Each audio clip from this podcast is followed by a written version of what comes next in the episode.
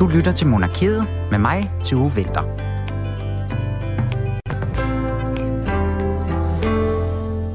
Så blev det tid til Radio 4's royale hjørne endnu en gang, som vi altså har valgt at kalde monarkiet her øh, på Radio 4. Den øh, næste times tid, der skal vi vidt omkring. Vi skal kigge på landets mest fornemme orden, som af flere grunde altså har tiltrukket sig lidt opmærksomhed de sidste par uger. Øh, og samtidig så er den jo blevet luftet godt og grundigt, først til regeringsjubilæum, og så her i weekenden, da der var bal til slottet, var der også et par elefanter til stede. Seniorredaktør på Politiken, øh, Peter Thysen, han interesserer sig utrolig meget for de her ordner, og han kommer altså og fortæller lidt om den her fornemme elefant.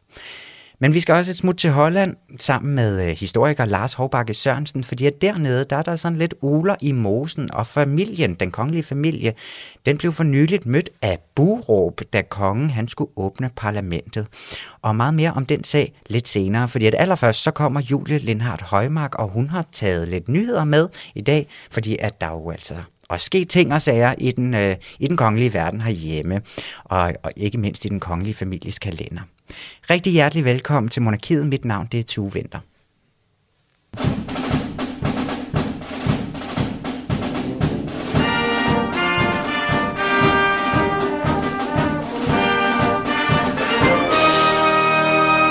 Ja, fordi det virker som om, Julie Lindhardt Højmark, at vi får en masse for vores, øh, vores skattekroner for det her monarki lige for tiden. De render simpelthen rundt i den danske i, i det danske land og til udlandet og ved ikke hvad, den familie.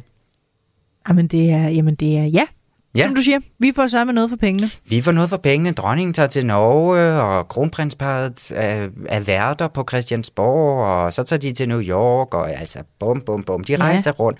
Men egentlig så skal vi jo, her, vi starter jo lige ud med lidt nyheder, der skal det handle om noget lidt andet, som vi, øh, som vi skal introducere, måske for første og sidste gang. Så er der slotsnyt. Ja, jeg synes, det er en fantastisk overskrift, vi det har fundet også, der. Det kan vi godt prøve at dykke lidt mere ned i. Det må vi tage i efterkritikken, Julie. Men vi skal altså lige besøge ja. lidt slotte her inden, uh, inden start, fordi at der er alle mulige lidt mærkelige historier.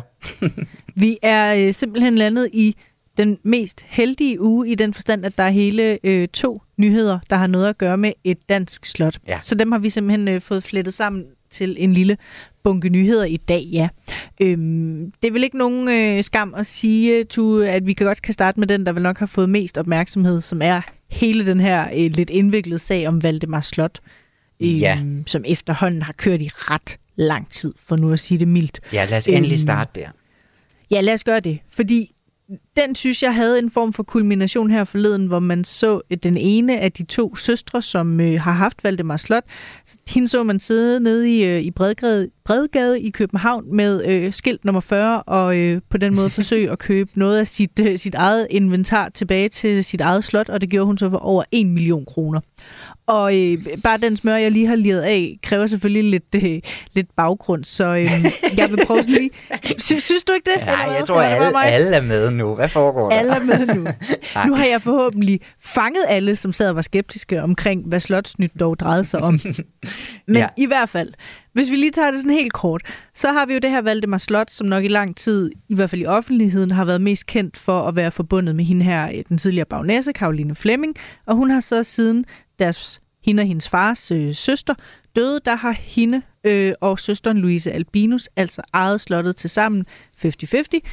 Og så var det så, at det her for nogle tid siden kom frem, at der har været en masse sådan uoverensstemmelser omkring nogle økonomiske forhold, og det førte så til, at Karoline Flemming og Louise Albinus, altså de to søstre her, øh, at de ligesom, der blev beskrevet, at der var et form for uvenskab mellem de ja. to. Øh, Louise Albinus og hendes mand, de har ligesom drevet slottet som henholdsvis direktør og formand, men altså stadigvæk med Karoline Flemming som medejer, og derfor har hun jo så hvert år skulle godkende et regnskab. Det nægtede hun så at gøre her øh, for et stykke tid siden, og øh, efter en masse drama, så resulterede det ligesom i, når man, hvis man ikke vil godkende et regnskab, så må sådan et selskab her, som er dem, det selskab, der ligesom ejer slottet, så må sådan et jo så blive sendt til tvangsopløsning, og derefter så sender man så også øh, slottet på en tvangsauktion. Så, således øh, første kapitel i det her drama. Ja, der Men, er dårlig øhm, stemning blandt de to søstre på det her tidspunkt, må man sige. Ja, nu har vi ikke talt med nogen af dem, men det, det vil jeg også tillade mig at gå ud fra, at ja. de nok ikke er bedste venner. Øhm, I hvert fald sådan altså, på papiret, ja, det er rigtigt. Vi ved jo selvfølgelig ikke, hvordan de... Men ja. Nej, det går frem og tilbage. Præcis. Men ved det, der ligesom har været beskrevet, så lyder det som et frygteligt familiedrama. Og så for cirka fire måneder siden, efter at slottet her, at det ligesom var resulteret i, at det, at det skulle sælges, så kom det så frem, at køberen af slottet simpelthen var Louise Albinus. Øh, så det er så hende, der ejer Valdemar Slot nu, og, øh, og altså har formået at skrabe de her 165 millioner kroner sammen, som det efter sine er blevet solgt mm. for.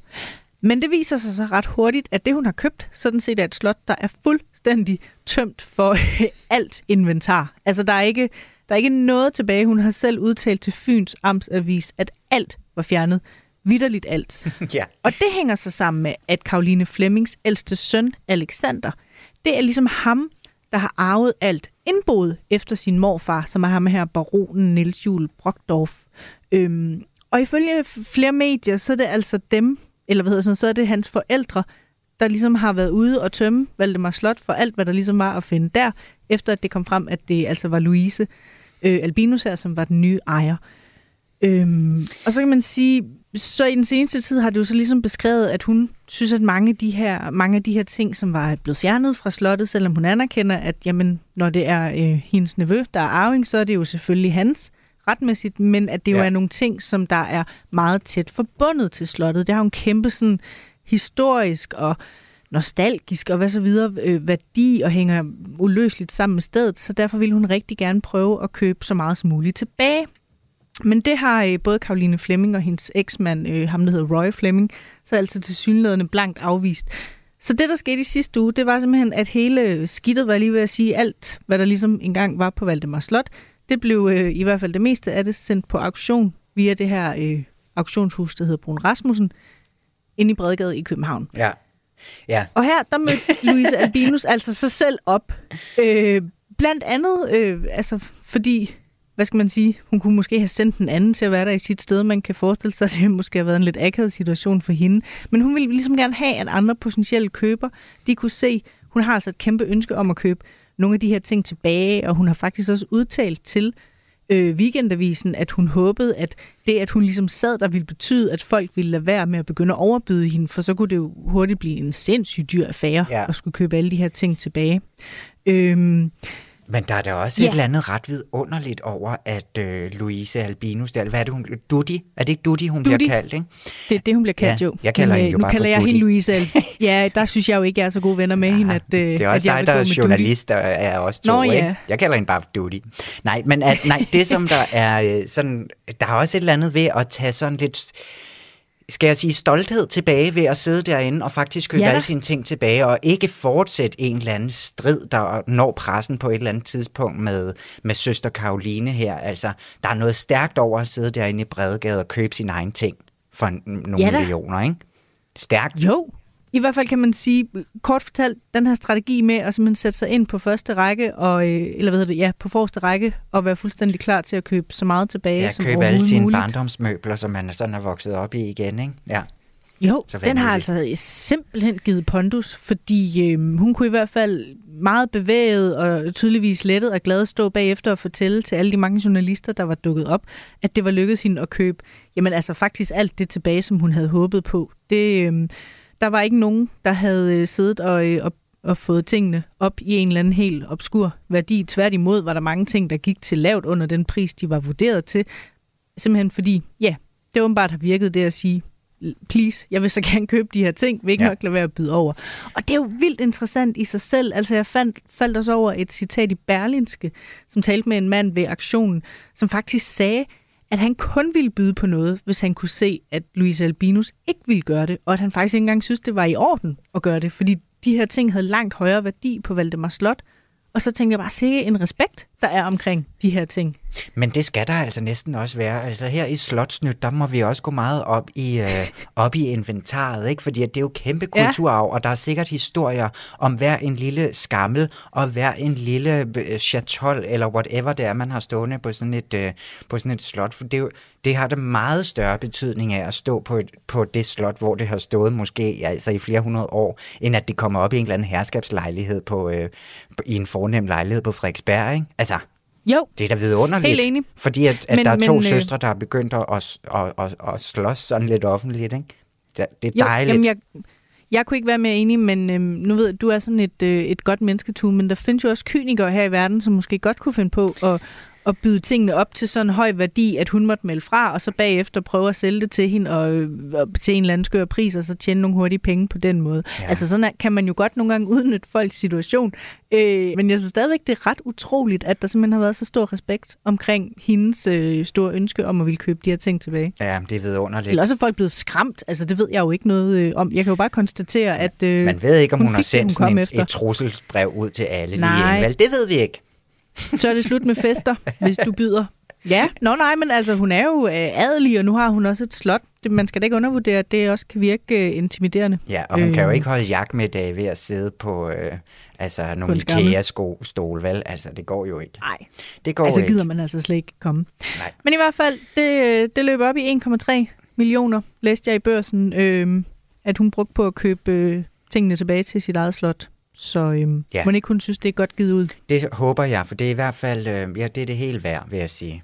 Ja. ja. En kulturbevaring. Bum, hallo.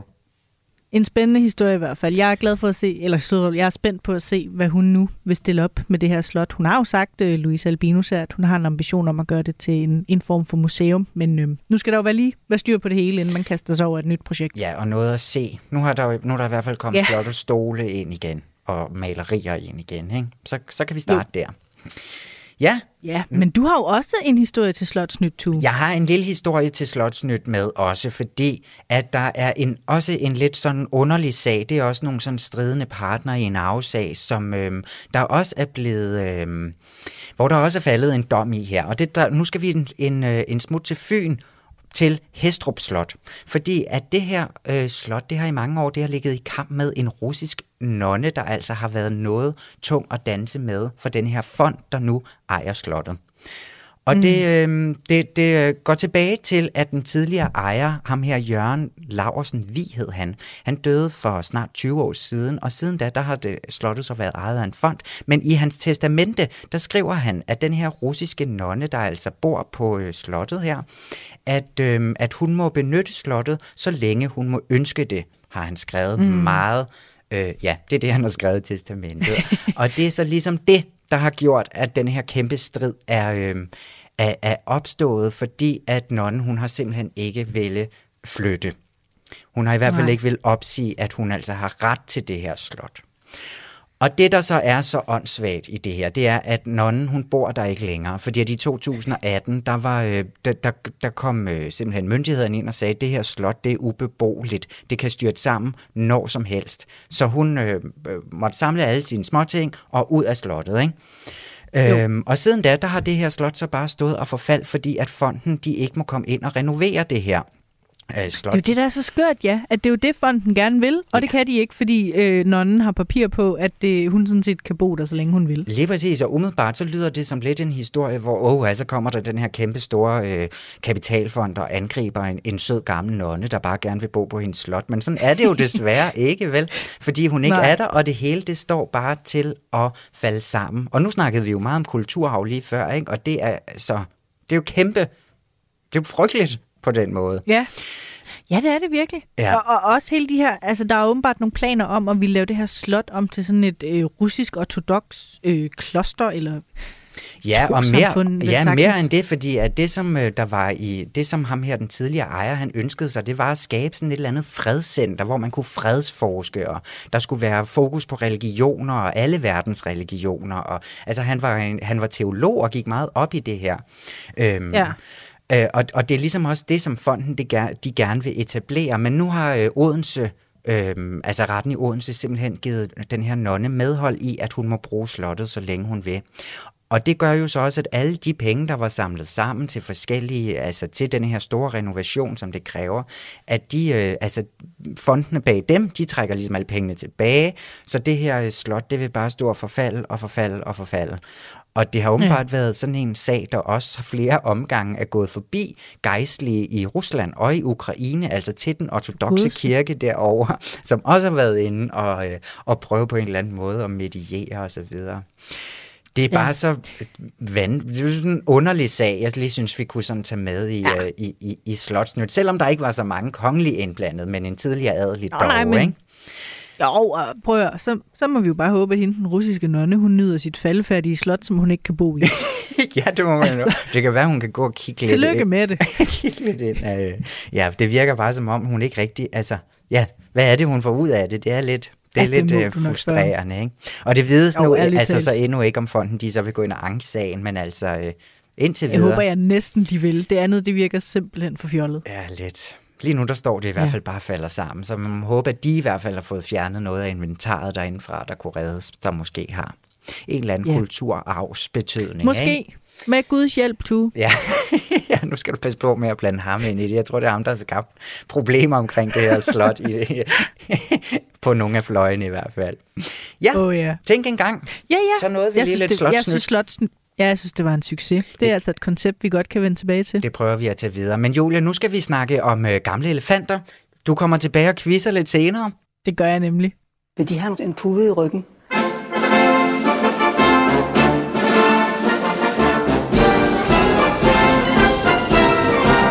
Hvis de vil, så har jeg sagtens lånt dem en pude. oh, det vil jeg vældig gerne have. Øh, hvor er mine møbler blevet? Nej. Jeg men tror, deres majestæt, det er meget nødt til at sidde på en pude. Hvis Jamen, det er bestemt ikke Og det er til ryggen, vi tænker. simpelthen for... Over, tusind tak. Jeg synes, det kunne, jeg kunne se, at de følte dem lidt langt tilbage. Det er rigtigt nok, øh, men jeg troede, jeg skulle sidde på en pude. Det nej, nej, nej, nej, nej, nej, nej.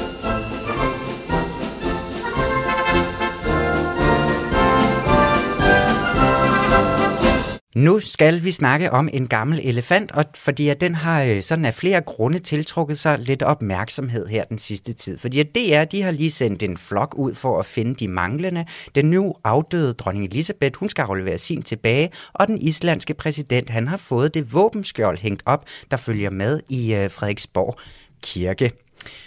Eller på Frederiksborg Slot hedder det jo sådan set. Det er elefantorden, jeg snakker om her. Det er Danmarks fineste orden, og det er den, vi skal nørde lidt nu. Og til at være med til det, der har vi altså hævet fat i dig, Peter Thyssen. Velkommen til øh, Monarkiet. Mange tak. Du er jo seniorredaktør på Politikken, og så ved du jo altså så oven i det også en hel masse om de her ordner, og ikke mindst også, øh, også en masse om dem, der også bærer dem. Og det er jo en gammel sag, den her elefantorden. Og måske vi sådan skal prøve at starte med at få en lille smule historie på plads omkring den. Fordi at, øh, ja, vi kan jo starte med sådan nogle øh, spørgsmål om, hvordan øh, opstår den, og hvornår opstår den, og hvorfor opstår den? Øh, lige omkring elefantordenen, undskyld, der er der øh, meget en usikkerhed om, hvordan det egentlig kommer i gang. Men man ved så meget, at omkring øh, 1460 altså for øh, 550 år siden, der opretter den daværende Christian den Første øh, med pavens godkendelse i øvrigt en orden, der hedder Guds Moders Selskab. Øhm, den lider en relativt krank skæbne. Det samme gør jo katolicismen i Danmark. Øh, så i øh, nogle år omkring 1530, hvor reformationen gennemføres, sker der ikke rigtig noget på ordensfronten. Mm. Men øh, i 1580 øh, er det så øh, den daværende konge Frederik den anden, øh, der genopliver ordenen, og nu har den elefanten som sit ordenstegn.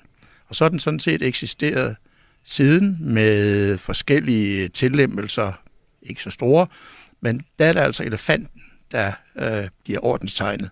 Og, og elefanten øh, nu om stunder hænger jo i et øh, lyseblåt bånd, der går over venstre skulder, et skærf, ned over maven, og så sidder elefanten for neden der. Så sidder den der. Og elefanten bliver, bliver, bliver valgt, fordi det er et tegn på styrke, og det er et tegn på øh, øh, troskab, og øh, det er et tegn på kyskhed, noget som man så gik meget op i, i den tid. I den tid, ja. For... Så det er lidt om baggrunden. Ja. ja, fordi det umiddelbart, så det her med, at det jo er en elefant, det virker jo sådan ret langt væk fra vores øh, breddegrader heroppe nordpå. Det er sådan et lidt underligt valg, men det er så på grund af, at det har de her øh, sådan, ja, hvad, ja, kyskhed. ja, egenskab. Ja troskab og, og styrke, ja. øh, som jo var noget, kongen gerne ville øh, forbindes med. Mm. Så, så derfor øh, øh bliver det øh, elefanten, der bliver tegnet. Men men man ved ikke præcis, hvorfor. Det er aldrig rigtig skrevet ned. Nej. Nej, så det kan man kun sådan gisne om. Men så, det ja. her, men har man så styr på cirka fra, at det bliver øh, indstiftet igen her? Altså, hvem der ligesom har modtaget de her ordner? Har det altid været en, den sådan mest fornemme orden, som vi kender den i dag? Helt, helt ubetinget, og den er også tidligere blevet øh, uddelt i et, øh, i et mindre omfang, end den bliver nu om stunder. Det, det var jo tænkt som øh, et tegn på, at man tilhørte kongens absolute inderkreds. Og hvis man gjorde det, hvis man var adelsmand, hvis man var general eller begge dele, øh, eller hvis, hvis man var statsembedsmand, så kunne kongen så, øh, og det var helt klart ham selv, der bestemte, øh, afgøre, hvem der skulle være elefantridder. Mm. Øh, og, og det er det for så vidt stadigvæk. Der er nogle, der er nogle, hvad skal man sige, nogle slags regler, det, det går frem efter i dag, men øh, men, men det er monarkens suveræne ret til at udnævne. Ja, fordi hvad er det så? Hvad er det for nogle regler? Hvem er det, der får lov til at modtage de her ordner, eller hvem modtager dem sådan øh, på, på vanlig basis, havde nær sagt, men, eller sådan, hvem, hvem, er den, øh, hvem giver man dem til? Ja, men man giver dem jo først og fremmest til medlemmer af den kongelige familie. Ja. Altså, øh, her, i, her i landet er det øh, øh, kronprinsparet, prins Joachim og øh, prinsesse Marie, prinsesse Benedikte, øh, grev Christian af Rosenborg og grevinde øh, Alexandra af Frederiksborg. Det er dem, der er ridder her. Men derudover øh, bliver elefantordenen givet til øh, statschefer rundt omkring i verden, enten hvis de kommer på statsbesøg her, eller hvis dronningen er ude at rejse og øh, aflægger statsbesøg, mm. hvor det nu skulle være. Dem vi er på ordner med. Det er ikke alle lande, der har ordner, for eksempel, øh, eller ordner, som vi kender dem, for eksempel USA og Rusland, øh, er et helt andet slags system. Så, så de får ikke elefantorden, de pågældende statsledere der. Men altså, ellers er det europæiske øh, kongehuse, det er præsidenter øh, over hele verden. Men fungerer det som sådan en, altså en byttehandel i ordner? Altså modtager man en ja, og får en? Ja, okay. det kan du godt sige. Ja. Det, det gør det faktisk. Og, øh, og det er typisk, at øh, der er, har været et, øh, et øh, ønske og et behov vel også for at udvide øh, ordenssystemet, så der er faktisk øh, øh, rigtig livlig øh, øh, udveksling af ordner nu om, nu om stunder. Hvorfor tror du, man bliver ved med at holde fast i det? Altså, fordi det virker jo sådan en lille smule øh, gammeldags med sådan nogle ordner her, ikke? Absolut.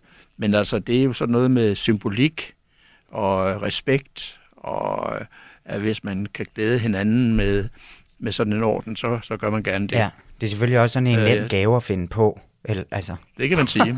Det er, det er under tiden en meget kostbar gave, og, og det, er, øh, det er elefantordenen også, fordi den lille elefant, der hænger øh, i ordensbåndet, øh, den, den er meget, meget kostbar. Man kan ikke få at vide, øh, hvor mange penge den er værd, men de er alle sammen forskellige, og der ligger et helt... Øh, et helt skab fuld af, eller i hvert fald et, et lille skab fuld af elefanter, der er klar til at blive delt ud.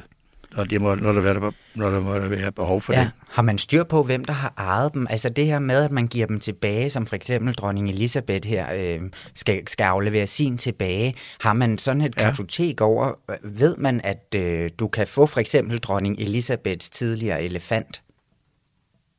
Ja, ja, det er der helt klart styr på. Det er der helt styr på. Øh, så, så længe så længe det pågældende samfund, som vedkommende repræsenterer, ellers, ellers fungerer. Øh, jo, man ved helt præcis, hvor, hvor elefanterne er, og i, i bunden af hver elefant er der et lille nummer, øh, som man kan krydstjekke det med, hvis man skulle være i tvivl. Mm. Ja, fordi at der er jo nogle gange nogle statsoverhoveder, øh, rundt omkring, som vi måske er kommet til at give nogle ordner i, i tidens løb, øh, som kan jo begynde at opføre sig en lille smule øh, ja, uhøfligt over for resten af verden, kan man sige det sådan. Altså det her med, kan man så også, kan, de, kan dronningen fratage ordner også? Altså hvis nu at for eksempel, øh, at der er en diktator eller noget i den dur, som tidligere har fået den, kan man blive frataget elefantorden? Det kan man bestemt. Øh, det blev øh, for eksempel den rumænske præsident Nicolae Ceausescu, som jo sammen med sin uhyrlige kone øh, fik øh, sat sit land på den anden ende, og det endte jo i borgerkrig, og i løbet af, hvad var det, 10-12 dage, der var de begge to skudt og dræbt. Øhm, men der havde øh, dronningen nået at ophæve deres medlemskab af orden, ordnerne, fordi mm. hun var også dekoreret. Der var ikke elefantorden med men med Dannebro-orden. Øhm, de her ordner, de forsvandt så i alt den der øh, tummel, der var, øh, efter at de var blevet skudt og fjernet. Øh, men det lykkedes så at finde de danske ordner. Øh, det var den daværende svenske ambassadør i Bukarest. Øh, det lykkedes at, at, øh, at finde dem, mm. og så tog han det med her til Danmark.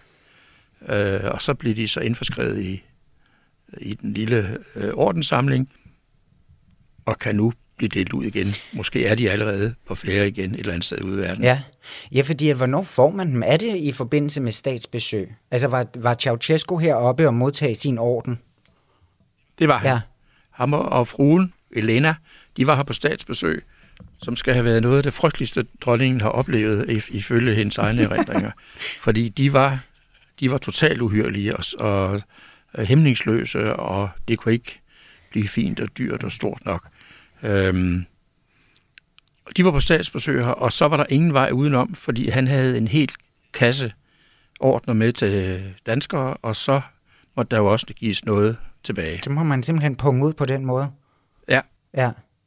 Kan man til, eller det er måske også en lidt dårligt diplomatisk arbejde, men kunne dronningen for eksempel sige, hvis hun også følte, at der var en rimelig dårlig kemi mellem dem personligt, og der var rimelig meget bøvl i hjemlandet og der, øhm, Altså kan man så takke nej til sådan nogle ordner og sige nej, og du skal altså heller ikke være med i vores elefantklub her? Det tror jeg, der ville komme visse problemer ud af. Ja. Også fordi ægteparet Ceausescu var fuldstændig ordensgale. De kunne ikke få nok af den slags, så ja, okay. det, det, det ville have udløst en diplomatisk krise, og jeg tror, de var blevet væk så. Ja. Det kunne man selvfølgelig måske have overvejet, at det var en god idé, men sådan blev det ikke. Men hvad er de diplomatiske overvejelser, tror du, omkring at give de her ud?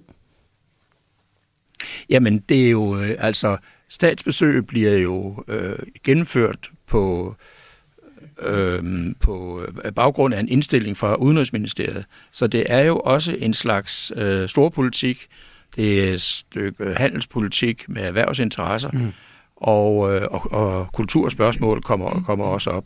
Så derfor mener man, at stadigvæk, at, at, øh, at det er en god idé at beholde det her system. Ja. Og jeg kender heller ikke til nogen, der, der har sagt nej til dem nej, indtil videre. at få elefantorden. Og der, der er jo også øhm, øh, eksempler på, at ikke kongelige eller ikke statsoverhoveder, de har modtaget den her. Blandt andet så er der måske flere, der kan huske, at Mads McKinney Møller, han havde en elefantorden indtil han døde. Hvordan hænger det sammen? Hvordan, får, hvordan gør man sig fortjent til at modtage en, hvis man ikke er et statsoverhoved? Jamen det er jo så efter en helt ekstraordinær indsats til gavn for samfundet. Altså Niels Bohr, den gamle atomvidenskabsmand, han fik også, der er de, der er de tre, der er, øh, der blev elefantridder, borgerlige elefantridder i 1900-tallet. Mm. H.N. Andersen, der skabte ØK, og, øh, og så Mads McKinney Møller, og så Niels Bohr. De tre, øh, og det er helt udelukkende øh, dronningens øh, afgørelse, eller monarkens afgørelse. Det kan godt være, at, at de forskellige monarker hen gennem 1900-tallet er blevet visket i øret, at det kunne måske være en god idé. Ja at tildele de her tre borgerlige en orden, men ellers er det øh, monarken øh, øh, eget valg, mm. og vedkommende bliver også kaldt på Amalienborg for orden overragt der. Ja. Så det er altså ganske sjældent, altså der er ikke så mange øh, eksempler på det, men de er dog derude, så man kan godt gå og kæmpe for en elefantorden, hvis man har den lyst. Det kan man det godt. Kan man godt. Det er det lange, det, er det, det lange seje træk, kan man sige. ja.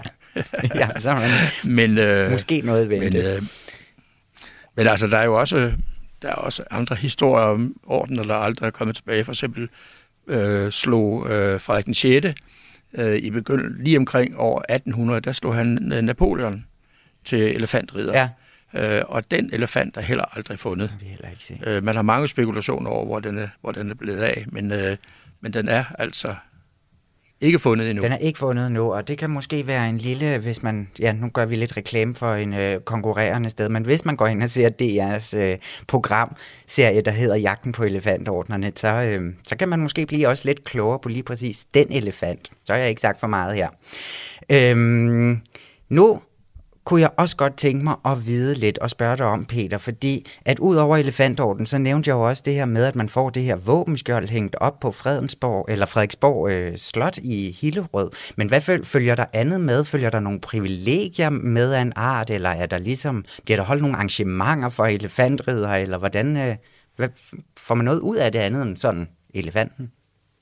Det er sådan set rent udgift. Ja, ja, okay. Man skal selv bekoste sit øh, elefantridderskæld. Øh, Og, og, og, og det er heller ikke alle, der får lavet sådan et. Mm. Men øh, hvis lytterne en dag skulle komme forbi øh, Frederiksborg Slotskirke, så er det klart et besøg værd. Det er fantastisk smukt, fordi der hænger ridderskjoldene øh, på mange, mange mennesker, og mange vil man også kunne kende, øh, også fra vores tid. Ja. Øh, det, er en, det er en sjov udflugt. Øh, og det bliver jo så lavet øh, nede i hoffet ved, ved den, ved den øh, kongelige heraldiker, det vil sige ham, der har forstand på netop våbenskjolde. Og så forhandler han med den nyslåede ridder om, hvad skjoldet skal symbolisere, hvilket øh, udsagn, der måske skal stå på det, og øh, hvilke farver det skal være i. Mm. Og så går, så går heraldikeren ellers i gang. Ja, og, så fra, og som jeg jo så også lige nævnte, så det her med, at den islandske præsident, han har nemlig fået sit hængt op lige her i starten af måneden, da han var på besøg til dronningens øh, regentjubilæum, eller midten i hvert fald her. Så det kan man også se nu op øh, på Frederiksborg øh, Slot her. Lige til slut, Peter, så vil jeg gerne høre, fordi at nu har jeg også nævnt det nogle gange med dronning Elisabeths orden, der jo på en eller anden måde så nu skal finde sin vej tilbage. Hvordan fungerer det? Ja, men altså det fungerer sådan, at nu er boet efter dronningen jo måske nok så småt begyndt at blive godt op, og så øh, bliver der lavet et initiativ til, som sagt, at man fra det britiske hofs side øh, får afleveret elefantordenen et eller andet sted, enten her i landet eller, øh, eller i, øh, i England. Ja. Og hvordan det præcis kommer til at foregå, det ved jeg ikke. Det, det er forskelligt øh, fra gang til gang. Ja.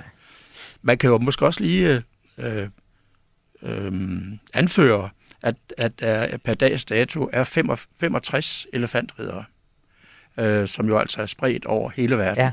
Og det er, det er lidt sjovt at tænke på, at øh, de tre, der har haft orden længst, det er dronning Margrethe, eksdronning Anne-Marie og prinsesse Benedikte. For de fik allerede orden den dag, deres far blev konge i april 1947. Øh, så de kommer, de, de har længe stået som dem, der har været Øh, elefantrider længst. Og dem, der har været det senest, det er den uh, tyske præsident, Frank-Walter Steinmeier, mm.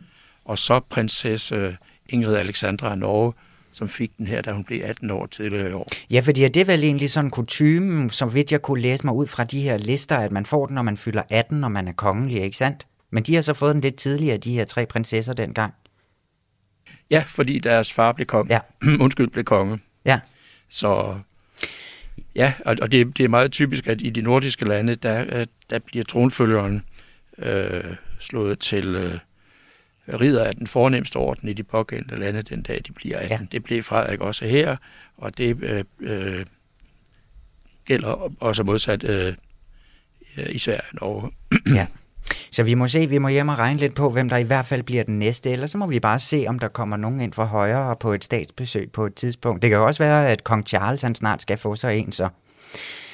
Det tror jeg. Jeg tror, det bliver det næste øh, kongelige øh, øh statsbesøg. Ja. Det kan jeg sagtens sidde og sige, fordi jeg ved ikke noget om det, men, men hvis man kigger rundt i kredsen af monarker i Europa, så står han for tur. Så står han for tur. Vi får se, hvad der sker. Peter Thysen, seniorredaktør på Politiken. Tak fordi du vil gøre os meget klogere på den her lille, fine elefant. Selv tak.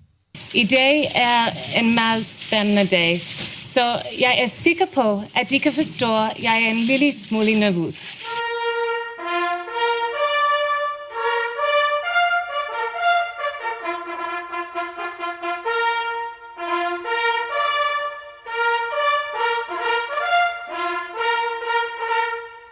Ja, og nu rykker vi altså videre i monarkiet her på Radio 4, hvor at det nu skal handle om noget ganske andet. De har dog alle sammen fået øh, elefantorden dernede, men vi skal altså et smut til Holland nu, fordi at for nyligt, da det hollandske parlament det skulle åbne, der blev kong Willem Alexander, dronning øh, Maxima og kronprinsesse Amelia, de blev altså mødt af lidt buråb og lidt protester, og det er den sag, som vi skal prøve at øh, kigge lidt på nu, og også lige måske prøve at tjekke lidt ind hos den hollandske kongefamilie og lige tage temperaturen på, hvordan det går dernede.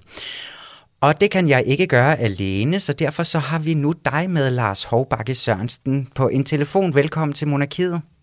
Tak for det. Ja, du er jo historiker, og så er du kongehusekspert, og så er du jo også en rigtig god ven af programmet her, som vi er glade for, at vi kan hive i en gang imellem her. Og Lars, inden vi tager til Holland, så, øh, så må jeg altså lige høre dig, fordi at øh, i den seneste tid, det har jo været noget af en september måned, sådan på den historiske kongelige klinge her, ikke? Vi har både vores egen dronnings regentjubilæum, og så selvfølgelig også måske endnu vildere dronning Elisabeths død. Øhm, og jeg bliver nødt til lige at høre dig, Lars, fordi at sådan... Øh, fra en historikers synspunkt, vi kan jo starte der, dronning Elisabeths død og begravelse, hvordan, øh, hvordan oplevede du det? Jamen, det var jo en meget øh, markant øh, begivenhed, fordi dronning Elisabeth var den, der havde siddet længst nogensinde på den britiske øh, trone, og hun var også øh, indtil sin død den, øh, den øh, længst regerende af alle nulevende, øh, eller alle, alle, der var på, på tronen øh, på det ja. tidspunkt.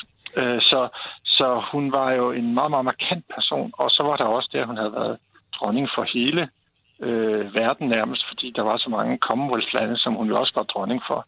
Øh, så, så hele verden fulgte med i det, og det er jo den største mediebegivenhed, øh, der har, har været af kongelige mediebegivenheder nogensinde. Øh, ja. Fordi dengang for 70 år siden, da hun kom til, der var der jo ikke ret mange, der havde fjernsyn.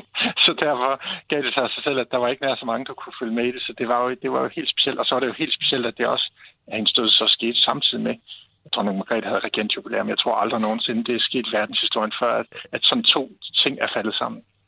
Nej, Nej, men lige præcis. Man fik lige pludselig travlt med, om man skulle være glad eller ked af det, eller hvad var for en mine, man sådan ja, skulle putte på i de der lige dage.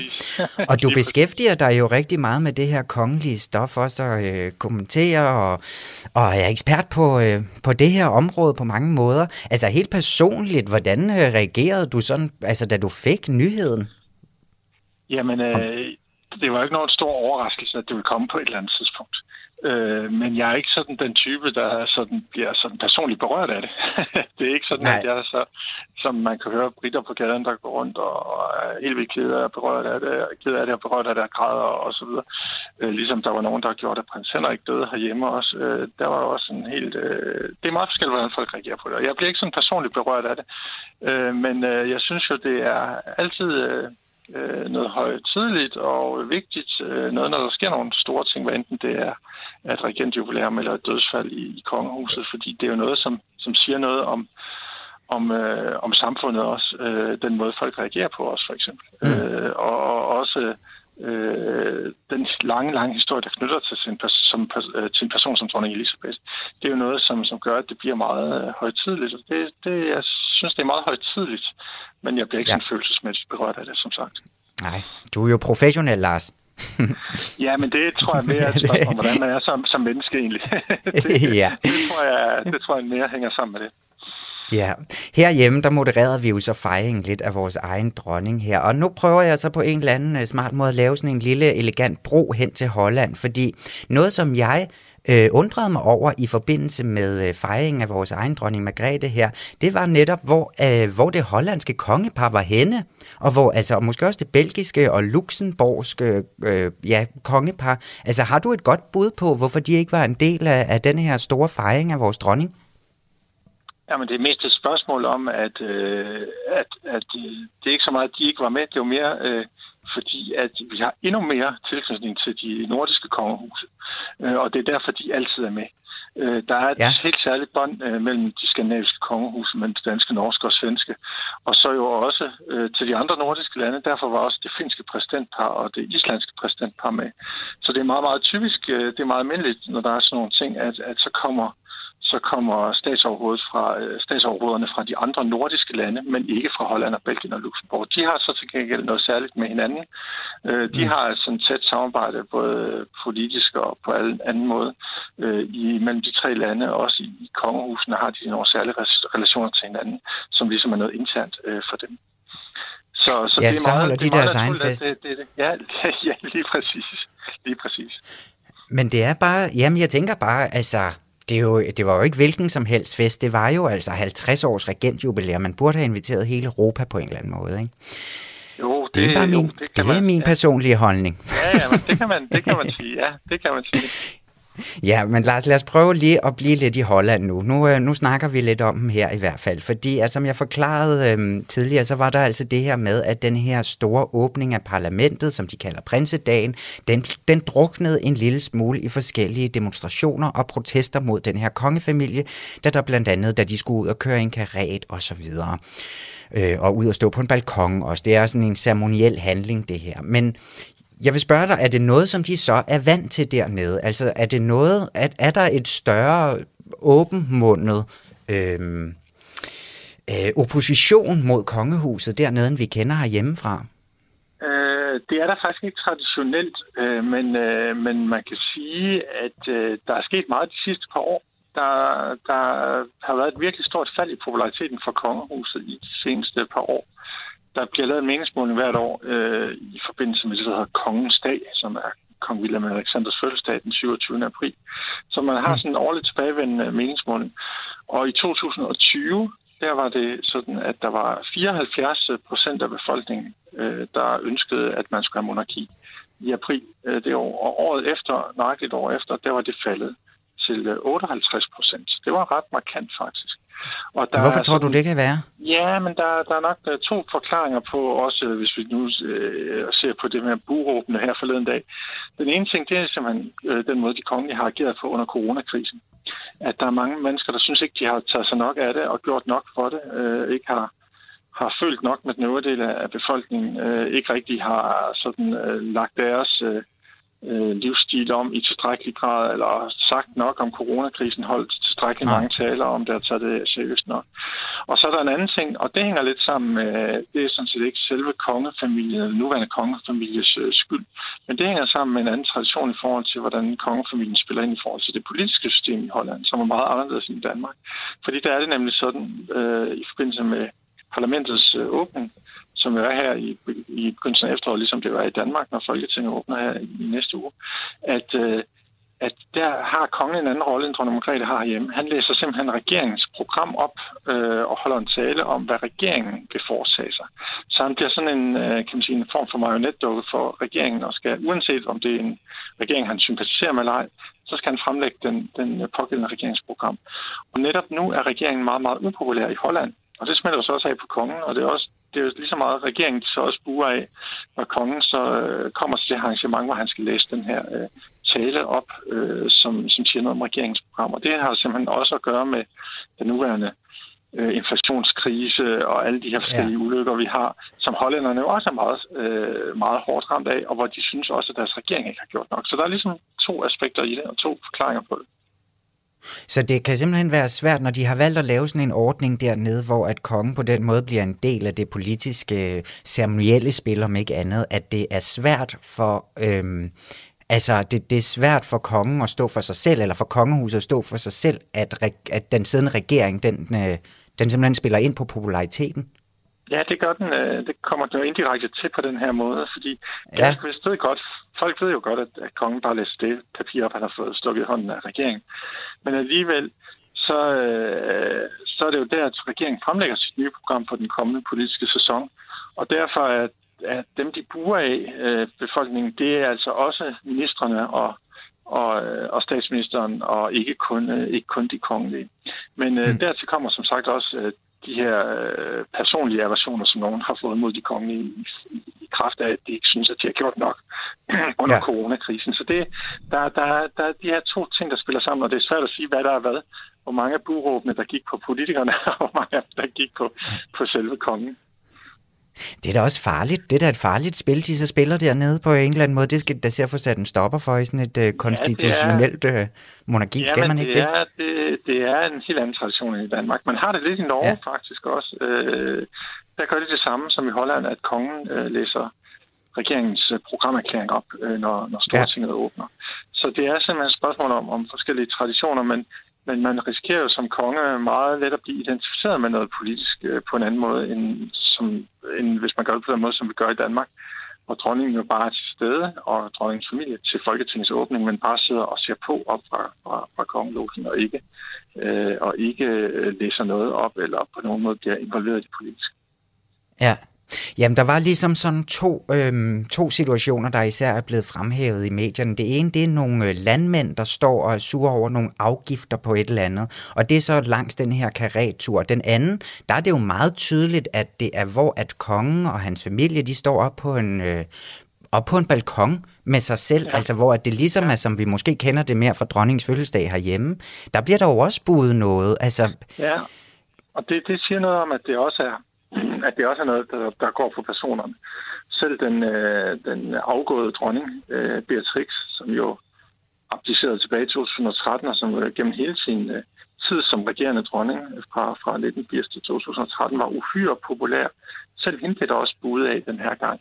Og det er ja, okay. fordi også, at det hele bliver sådan, det hele bliver rodet sammen i de her krisetider, kan man sige. Øh, utilfredsheden med de kongelige, at de ikke har gjort nok under corona, kombineret med, at de synes, at befolkningen, eller nogen i befolkningen, at politikerne ikke gør nok ved deres økonomiske problemer.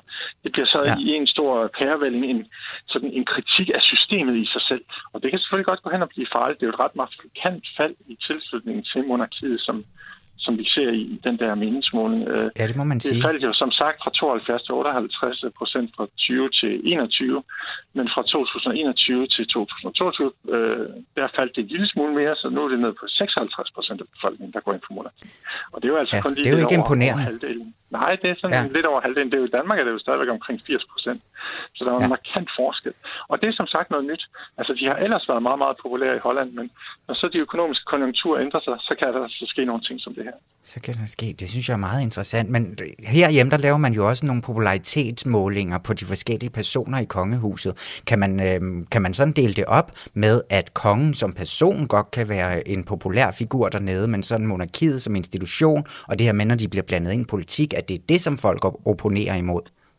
Ja, men der er, der, der er det faktisk sådan, at øh, der bliver lavet målinger også uh, samtidig med, med, øh, med, med hensyn til de enkelte personer. Og der er det faktisk sådan noget, at kongens personlige popularitet er også faldet uh, voldsomt ja, okay. meget. Fra omkring 80 procent og ned til et, et meget lavere niveau på en 50-60 procent. Uh, ja. Jeg kan ikke huske de præcise tal. Men det er også, hans personlige popularitet ja, er, også, faldet rigtig meget. Men man kan jo sige, at en af de store forskelle også på Holland og Danmark, det er jo også noget med, hvor lang tid har man haft et monarki. Og der har man jo ikke haft det nær så lang tid i Holland som uh, i Danmark. Så det er ikke sådan fuldstændig utænkeligt for hollændere, at man kunne have en anden uh, statsform. De fik, blev først kongedømme i, i 1806, og det lyder selvfølgelig som om det er lang tid siden, uh, men det er jo kun 200 år i forhold til, at vi i Danmark har haft det al den tid, Danmark har eksisteret i, ja. i over 1000 år. Uh, og før det tidspunkt, der var hollænderne jo vant til, at uh, at man havde et helt andet statssystem, hvor, øh, hvor man havde det, der hed stadholdere, inden de kom til at hedde konger, og hvor det var sådan lidt noget, der smagte lidt mere af en republik. Og det er der en stor del af Hollands historie, der har været præget af det. Øh, og ganske vist blev det arvestadholdere, øh, som det hed, men, men det udsprang af et, et helt andet system, hvor, hvor, hvor der var mange flere samfundsgrupper, der langt tilbage i tiden spillede en stor øh, politisk rolle, end vi, ja. end vi så det på samme måde i Danmark. Og det betyder selvfølgelig noget, fordi Danmark kan de færreste jo forestille sig en helt, en helt anden statsform end monarki. Det har vi haft altid. Vi har aldrig haft republik. Men øh, i nogle af de andre lande, som er nyere som monarki, jamen der, der, der er tanken ikke så fjern, at man kunne også prøve noget andet. Ja, og når man læser tilbage i de gamle bøger, så kan man se andre, at, at det er gjort på andre måder for, for, øh, for ikke så lang tid siden på den måde. Ja, lige præcis. Ja, og Lars, lige her til sidst, fordi at vi står jo også en, øh, en kronprinsesse Amelia, som, øh, som trådte ud for første gang sådan øh, i forbindelse med den her prinsedag, fordi hun nu er fyldt 18 år. Øh, hun skal jo også overtage et monarki på et tidspunkt. Hendes far er dog ikke så gammel endnu, men altså det her, øh, ja, kan man allerede nu snakke om, hvad hendes største øh, sådan udfordring måske bliver her bare til sidst? Jamen, det bliver netop at få det til at øh, fungere som et nationalt samlingspunkt, øh, også når der er krisetider. Altså få kongehuset til at øh, måske blive lidt mindre politisk øh, og lidt mere øh, noget, som kan samle hele befolkningen. For det, der gentagende gange er problemet i Holland, det er at det her med, at øh, de let det er viklet ind i noget politik. Der er også mere tradition for, at de holder nogle lidt mere politiske taler, når de selv skal bestemme, mm. hvad de vil sige. Øh, og det kan være, at hun skal nedtone det lidt i forhold til, hvis øh, man øh, vil have en funktion som samlingspunkt for hele befolkningen, så man mere drejer i retning af den type kongehus, vi kender fra Danmark eksempelvis. Ja. vi får se, hvad der sker, men i hvert fald, øh, nu skal jeg ikke holde på dig mere. Lars Hovbakke Sørensen, tusind tak, fordi at øh, du lige ville tage en tur til Holland med os i dag. Selv tak. Så gælder det om at vise, hvor dygtige I kan blive.